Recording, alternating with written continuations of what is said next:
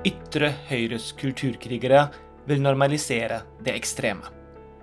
Det skriver Karline Trump, som er redaksjonssekretær i debattredaksjonen i Klassekampen, i sin nye bok 'Kulturkrig'. Dag og Tid publiserte et forfatterintervju med Trump 14.1. I dag er hun gjest i podkasten.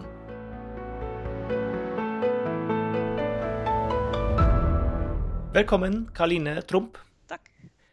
Det som er med podkaster, er jo at eh, de er ikke live, og dette her er også et opptak. Og nå mens vi snakker sammen, er eh, tirsdag 18. januar, og klokka er litt over åtte. Og i en e-post tidligere i dag så skrev du til meg at du brukte hele dagen på å hisse deg opp over mikrofon, mikrofonstativjournalistikk. Hvordan har du det nå? Takk.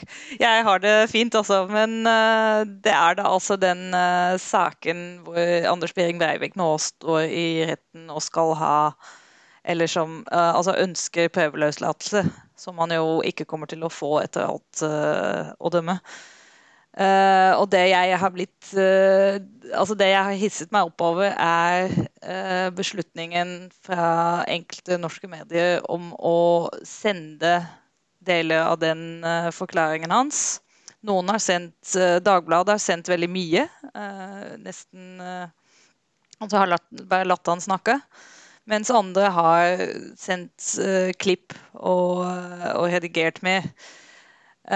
og jeg syns det er utrolig merkelig at ikke mediene ti år etter 22.07 har lært et og annet om hvordan slike videobilder, altså særlig video fra terrorister og voldsmenn, blir brukt uh, i sånne i, i, nettmiljøer hvor folk sitter og fyrer hverandre opp, og hvor dømte terrorister ofte blir fremhevet som martyrer og helgener og alt mulig. Så ja, det, det er liksom miljøer hvor de sier at dette er perfekt propagandamateriale.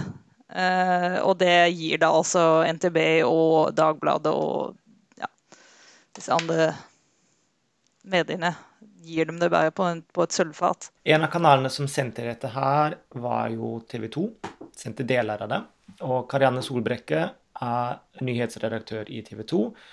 Hun forklarer deres avgjørelse om å vise deler av Breivets forklaring. Og for ordens skyld så legger vi lenken til forklaringen sammen med den podkastepisoden her. Hun sier bl.a. dette. Vi tror på at åpenhet også rundt denne rettsprosessen vil være med på å forhindre at de marginale miljøene som fortsatt måtte støtte terroristens holdninger, vokser og blir større. Så ved å være åpen om den prosessen vil hun forhindre at disse miljøene vokser og blir større. Har hun et poeng? Altså Det som er et veldig godt poeng eh, generelt, er at dette med åpenhet eh, er, er, veldig viktig. Det er viktig å ha rettsprosesser og demokratiske prosesser hvor man kan ha innsyn og, og, liksom kan tro på og stole på at det som skjer der, ikke skjer bak lukkede dører. At man ikke har sånne uh, Altså at det ikke skjer ting som man ikke får vite om. Men jeg syns ikke det hun sier på noe som helst måte rettferdiggjør live-dekning. Uh, og i hvert fall ikke live-sending. Det går jo an å skrive kjedelige rettsreferater som uh, på en måte gir den samme informasjonen, men som, ikke, som man ikke lager et meme av på samme måte. Eh, det går jo også an å, å Jeg skjønner heller ikke dette store tidspresset som gjør at mange medier synes å mene at man må publisere dette mens det skjer. Nå skal det sies eh, for, for ordens skyld at TV 2 tok seg jo i eh, Eller de, de, gjorde en vurdering idet de begynte å sende fra, fra forklaringen i dag. Og de kutta eh, overføringen etter veldig kort tid fordi de så at eh, han da begynte å bruke det til propagandaformål. Uh, og det kunne man jo på en måte ha forventa, syns jeg, men jeg syns i hvert fall de skal ha ros for at de faktisk gjorde en vurdering, uh, og, og, da kom fram til at dette hadde de ikke lyst til å sende likevel. Mm. Vi skal bevege oss over fra dagen i dag til det store temaet du skriver om i boka. Det første jeg lurer på, hva er en kulturkrig? det eh, er et eh, veldig vanskelig spørsmål. Det tror jeg svaret avhenger veldig av hvem du spør. Men det man kan si, det ordet den opprinnelsen til det ordet er, det kommer fra USA, og det ble brukt eh, faktisk allerede for 100 år siden for å beskrive en sånn type mm, voksende kløft mellom progressive og konservative i USA, og da særlig mellom storbyene og de på landet. Og det handla da om en sånn verdikrig, på en måte, eller en strid om hva slags verdier som, skulle, som landet skulle styres etter. Hva er det som gjør at, eh, at det blir en, en, krig, og ikke bare en, en debatt, som du sier, en, en konflikt? Det jeg vil si gjør det til en krig, er at uh, man beskylder den andre sida for å ødelegge, å ville ødelegge landet og true på en måte utgjøre en trussel mot, uh, mot folket eller mot, mot, landet. Og kulturkrigen er, er sånn at nå har jeg skrevet mest om ytre høyre sin kulturkrig, fordi de er en veldig viktig pådriver for dette her uh, i dagens klima. Og der inntar de ofte den posisjonen av at de sier at de representerer folket, uh, eller noe autentisk, uh, som da trues av krefter utenfra og innenfra. Så det er gjerne altså, Det er en sånn slags hovedkonspirasjon som alltid kommer tilbake. Det er at det er noen fremmede, truende typer utenfra, som kan være muslimer eller immigranter eller jøder eller Det kan være mye forskjellig, som da støttes og jobber sammen med noen inne i systemet, eller inne i nasjonen, som da er venstresida eller ja, det, Veldig ofte så kalles alt dette for marxister eller venstresida, men ofte så er det liksom da en, en sånn slags idé om en sittende elite eller maktstrukturer som eh, ja, samarbeider med fremmede trusler. Og målet, det samlede målet er å ødelegge folket eller nasjonen eller måten vi lever på. Du sier at, uh, du sier at dette ikke er nytt, at selve ordet kulturkrig er 100 år gammelt, og at den oppskriften på en måte at noen utenfra kommer og truer, den uh, er godt kjent. Allikevel så skriver du i boka at det var så mye rart som skjedde på 2010-tallet. Hva var det som gikk galt akkurat da? Nei, altså Det, det jeg sikter til i, når jeg skriver det, er jo at øh, jeg har skrevet om dette her i en periode, bare sånn korte aviskommentarer ofte, øh, om ting som har skjedd på ytre høyre fløy. Både partier og litt mer sånn rære bevegelser. Og på tidspunkt så syntes jeg det var så mye man, man, kunne se at det var en endring i måten ytre høyre presenterte seg på. Det dukka opp en del uh, nye bevegelser som helt åpenbart ikke ville bli assosiert med nazister, med sånn snauskalle og runetatoveringer og sånne ting. Men de, de, presenterte seg som noe nytt og uh, friskt, nesten.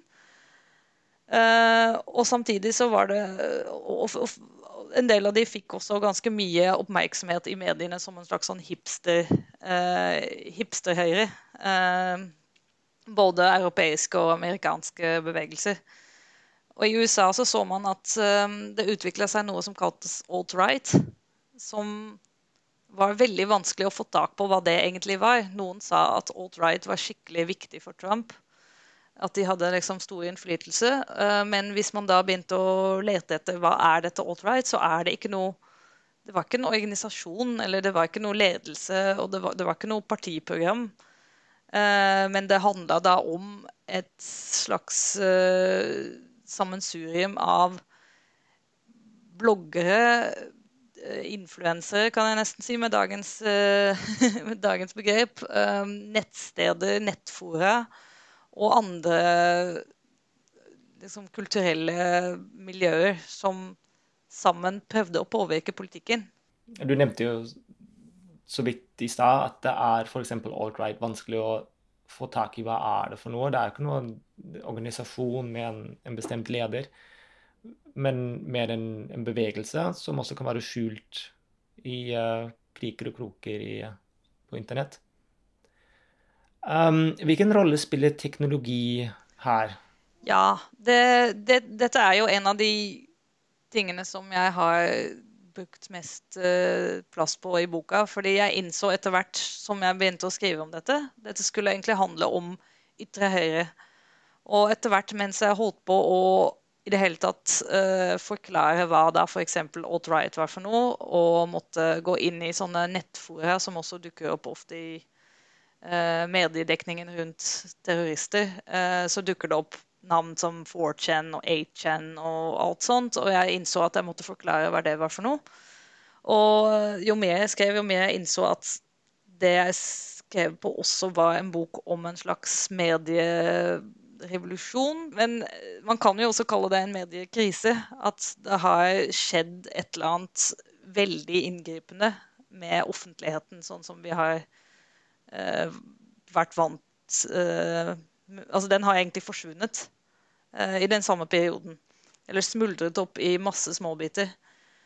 Og da snakker du om uh, sosiale medier og alternative nyhetssider som oppstår? Ja. ja. Det, altså det, det, det, har jo blitt veldig mye lettere for folk å, å lage sine egne medier og komme til ordet og, og liksom samle fellesskapet. Uh, og det har jo gjort veldig mye bra.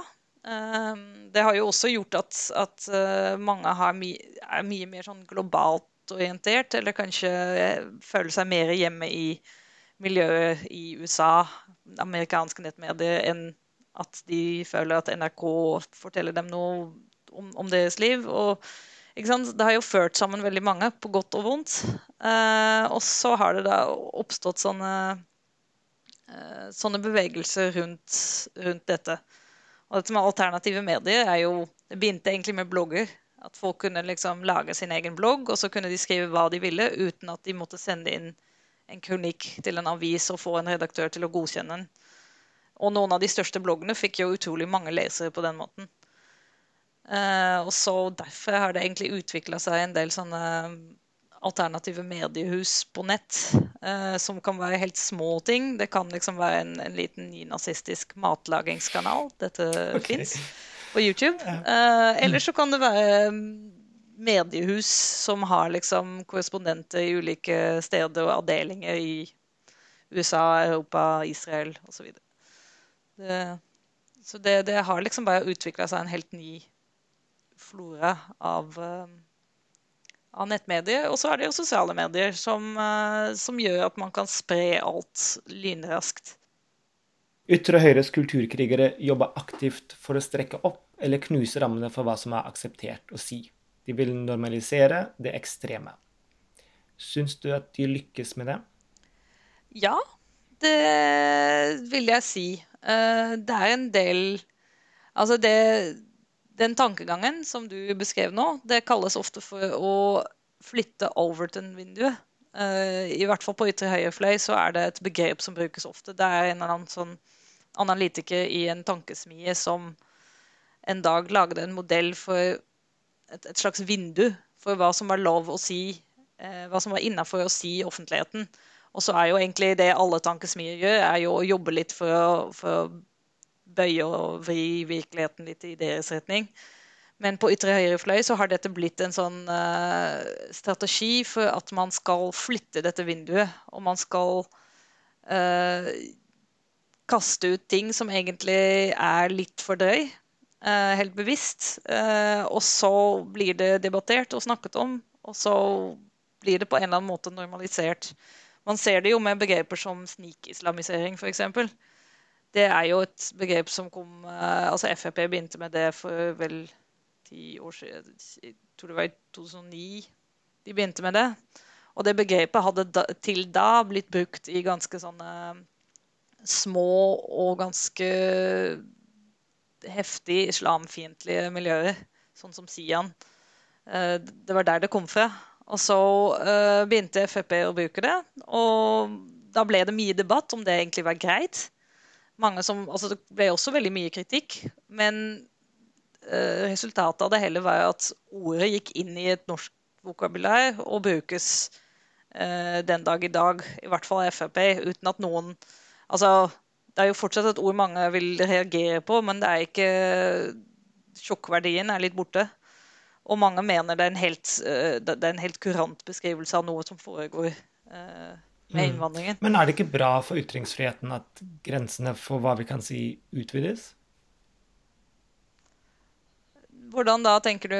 Nei, generelt, uh, hvis man tenker på ytringsfrihet, um, og at vi da har, for å bruke den modellen som du nevnte, at vi har et vindu for hva som er lov å si, er det ikke bra for ytringsfriheten at det vinduet er så stort som mulig, og at jo større vinduet blir, jo bedre er det?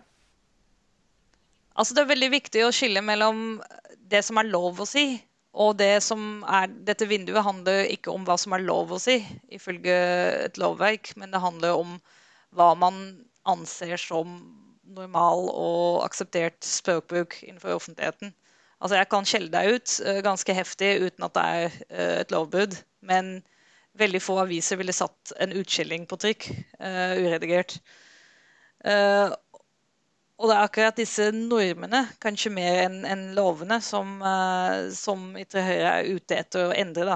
Um, det, det, handler mye om en type forråing av språkbruken. I hvert fall fra en del av de høyreradikale partiene som helt aktivt har gått inn for um, å liksom endre endre måten man kan snakke til og om sine politiske motstandere og også om grupper, f.eks. Um, altså det, det, er jo et parti jeg skriver om i Nederland i, uh, i boka. Det er et av, en, en sånn case som uh, Jeg er selv fra Nederland, så dette har jeg fulgt med på ganske nøye. Uh, og det, Der oppsto det et parti som helt eksplisitt også har snakket om at uh, i hvert fall frontmannen i det partiet har eksplisitt sagt at det de vil gjøre, er å skape mest mulig oppstuss og uh, og de vil flytte rammene. Og da gjorde de det f.eks. ved å begynne å snakke om uh, kulturmarxisme. Et ord som uh, I Norge så har det en veldig tung uh, altså Det er jo Anders Behring Breivik som skrev om dette i, i, manifestet sitt. Men dette var da altså et ord de begynte å bruke. et annet ord som han likte å bruke, var partikartellet. For å beskrive en sånn slags gigantisk sammensvergelse.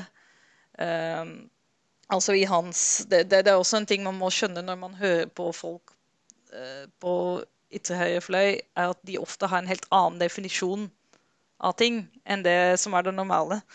Så veldig ofte så snakkes det f.eks. om marxister eh, eller kulturmarxister. Og i dette tilfellet så snakka han om den sittende regjeringen i Nederland, som besto av et parti tilsvarende partiet Høyre og Kristeligdemokratene, som også er ganske konservative og høyreorientert. Eh, og alt derfra og venstre derfra var liksom en, en stor sammensvergelse av eh, Ja, som, som, mente helt det samme, mente han, da. Og plutselig så eh, Resultatet av dette er jo at det, det blir forvirring. Det blir litt sånn Hæ, hva er det han, altså, hva, hva er det han sier? Det blir mye latterliggjøring også, for det, hva er det for noe? Men det som skjer, er at plutselig så står det side opp og side ned om de begrepene hans i mediene. Ikke sant? Selv om det er kritisk dekning eller sånn forklaringer, så har det brutt gjennom en lydmur. Eh, og, og, sånne ting blir ja, blir en del av det politiske vokabulæret. Mm. Hvordan ser ytre høyre på seg selv? Nei, du kan så si Jeg snakka uh, her om dagen med noen som uh, og, og, da kom jeg i skade for å si at det egentlig er ingen som eller, eller ingen vil beskrive seg selv som ytre høyre. Det er ikke helt sant. Det fins jo uh, altså bl.a. en norsk terrorist som står i retten i disse dager, som beskriver seg selv som en representant for ytre høyre. Uh, så det fins enkelte miljøer som som ser på seg selv som ytre høyre, eh, rett og slett. Men det som er eh, mer vanlig, er at de plasserer seg selv i sentrum, eller sier at de representerer folket. Eller folkets røst. Eventuelt at de også beskriver seg selv som konservative. Um, mens alle andre er venstreradikale, uh, ifølge dem. Så de flytter egentlig bare hele hele landskapet. Uh, og det de ofte Altså, alle de bevegelsene tror jeg, som jeg skriver om i boka, de, de er ganske forskjellige. De har litt ulike Både ulike visjoner for hvordan, hvordan verden skal, burde se ut, uh, ifølge dem, og de kommer fra litt forskjellige steder. Men alle snakker på vegne av folket, Eller de er veldig opp... De, de hevder at de representerer folket. Og så, så, mener de jo da som regel at folket eh, det skal defineres ganske trangt og ut fra etnisk eh, opprinnelse. Hudfarge, eh, hva du tror på, hvordan Altså kanskje også en type levesett og tro. Eh, mens alle de som da er imot dem, er fiender av dette folket. Det er på en måte deres eh, hva skal man si, grunnfortelling om seg selv. Mm. Jeg tenker Når vi nå snakker sammen, er vi også en del av problemet? Fordi jeg har inntrykk av at du og jeg har stort sett de samme holdningene, samme verdisett. Slik som ytre høyre kritiserer mainstream media for å ha. Og nå snakker vi jo liksom om dem, og ikke med dem. Er det et problem? Nei, ikke i utgangspunktet. Altså, jeg tenker jo også, det, det, det, er litt morsomt at du sier at du og jeg har de samme verdisettene. og sånn, fordi strengt tatt så vet vi jo ingenting om det. og vi, Det kan godt hende at vi har helt forskjellig utgangspunkt. Men fra et ytre høyre ståsted så vil nok vi representere den store elitepresse-kulturrøkla. Um, så da Men jeg syns det er viktig å skille mellom uh, dekning og journalistikk om bevegelse og lederfigurer og politiske, altså politiske partier og andre som tjener på uh, å lage slike bevegelser, enten økonomisk eller uh, at de tjener på det i maktposisjoner. Og alle de som av ulike grunner kan bli interessert i dette eller revet med uh, i en bevegelse. Jeg syns i hvert fall det er veldig viktig å ikke rette tilbake for smed når man begynner å Altså det er ikke bestemor som leser Resett som er problemet. Problemet er jo de som lager sånne steder, og helt bevisst lager et innhold som er skapt for å hisse folk opp mot hverandre, og så splid, og så også så mistillit til Ikke bare til meningsmotstanderne, men også veldig ofte til institusjonene i seg selv, altså til pressen, som da blir én ting, det skal man ikke stole på. Man skal heller se på min YouTube-kanal. ikke? Uh, rettssystemet, det kan man ikke stole på. Det er politisk, uh, politiske prosesser. Skolen kan man ikke stole på. Det er indoktrinering av, av elever. Det at vi snakker om ytre høyre, det er jo Det, det syns jeg er på sin plass at det skjer, fordi det er jo en politisk og kulturell bevegelse som har stor påvirkning. Uh, og ikke minst så syns jeg det er litt viktig å tenke på at dette er, dette er bevegelser som peker ut andre mennesker som fiender. Uh, helt bevisst. Og én ting er at vi som sitter i podkasten til et, en avis, er del av, del av, fiendebildet. Men det er jo også en del grupper som, ikke, som ofte ikke kommer så mye til orde. Uh, som, som, liksom blir framstilt som farlige, som, uh, som problemet. Og i, i, noen, uh, i, noen, miljøer blir liksom beskrevet som en slags parasitter eller sykdommer på, på, samfunnet. Og det må Det er vi bare nødt til å snakke om. At, uh, at det er folk som mobiliserer på den mm. måten. Avslutningsvis så skal vi se litt mot framtiden. Den fortellingen ytre høyre selv liker best, er at de representerer en ustoppelig bølge av ren folkevilje som vil rulle over verdens land. Du skriver at det er lite som tilsier at de gjør det. Er det da egentlig noe å bekymre seg for? Ja, det kan du si. Jeg har vært litt kritisk tidligere mot uh, en type dekning av uh, de høyrepopulistiske partiene i Europa som, en, som, som bekrefta veldig deres uh, seiersdaler, som de gjerne skrev før, det, før valgene hadde vært. Um, men jo, jeg tror det er noe å bekymre seg for, fordi uh, Den ene tingen er jo at man ser en del økning i høyreekstrem uh, høyreekstreme trusler og vold. Apropos igjen den, uh, denne rettssaken. Man ser jo at folk kopierer eh, hverandre, og at det, er, det fins miljøer av eh, høyreekstreme som eh, som, som, går til vold og dreper folk basert på disse, disse, ideene. Og da trenger man ikke en folkebevegelse. Da, da holder det med én eller to som, som, kan gjøre ganske enorm skade på et samfunn, som jeg vet alt om uh, i Norge. Uh, men den andre tingen er at man også kan se altså det, er, det er ikke bare vold som jo tross alt er veldig altså de, de, miljøene er relativt små, og de får ikke makt i form av en folkebevegelse. Men det man kan være redd for, er jo en utvikling som handler om å liksom undergrave demokratiet. Undergrave tilliten folk uh, i samfunnet imellom. Altså både ulike grupper og mot politikere og institusjoner osv.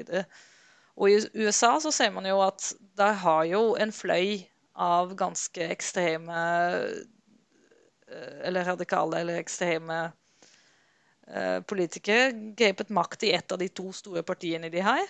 Og da har man plutselig et, et parti som vender seg imot uh, demokratiske valg, eller sier at, uh, at, alt dette er en løgn. Man kan ikke stole på medier, man kan ikke stole på valget, man kan ikke stole på noen ting. Kjøp, en, kjøp et våpen, og du er uh, you're on your own, pal. Altså, og hvis man får den type altså, hvis, hvis, det er den retorikken man får fra politikere og fra, og, og fra ledere, så, ser, altså, så, har det noe å si for hvordan folk uh, oppfører seg. Jeg er ganske sikker på at uh, nå, nå, vet man jo etter hvert stadig mer om de som var i uh, Washington DC uh, 6.1 i fjor. Og en del av de var, kom med ganske åpenlyse planer om å gjøre et kupp, eller forsøke det i hvert fall. Men det var nok også en del folk der som aldri ville ha tenkt over å liksom gå til angrep på sikkerhetsvakter som bare gjorde jobben sin, hvis ikke presidenten hadde stått og, og sagt at landet ditt blir stjålet eh, Altså det er et ran som foregår. Landet ditt blir stjålet. De prøver å, å ta det fra deg. Ikke sant? Så det Jeg tror det er der tusjen ligger. I fiendebildene og mistilliten og spliden som liksom uh, sås, da. Karline Tromp, hjertelig takk for at du var med i Dag og Tid-podkasten i dag. Takk.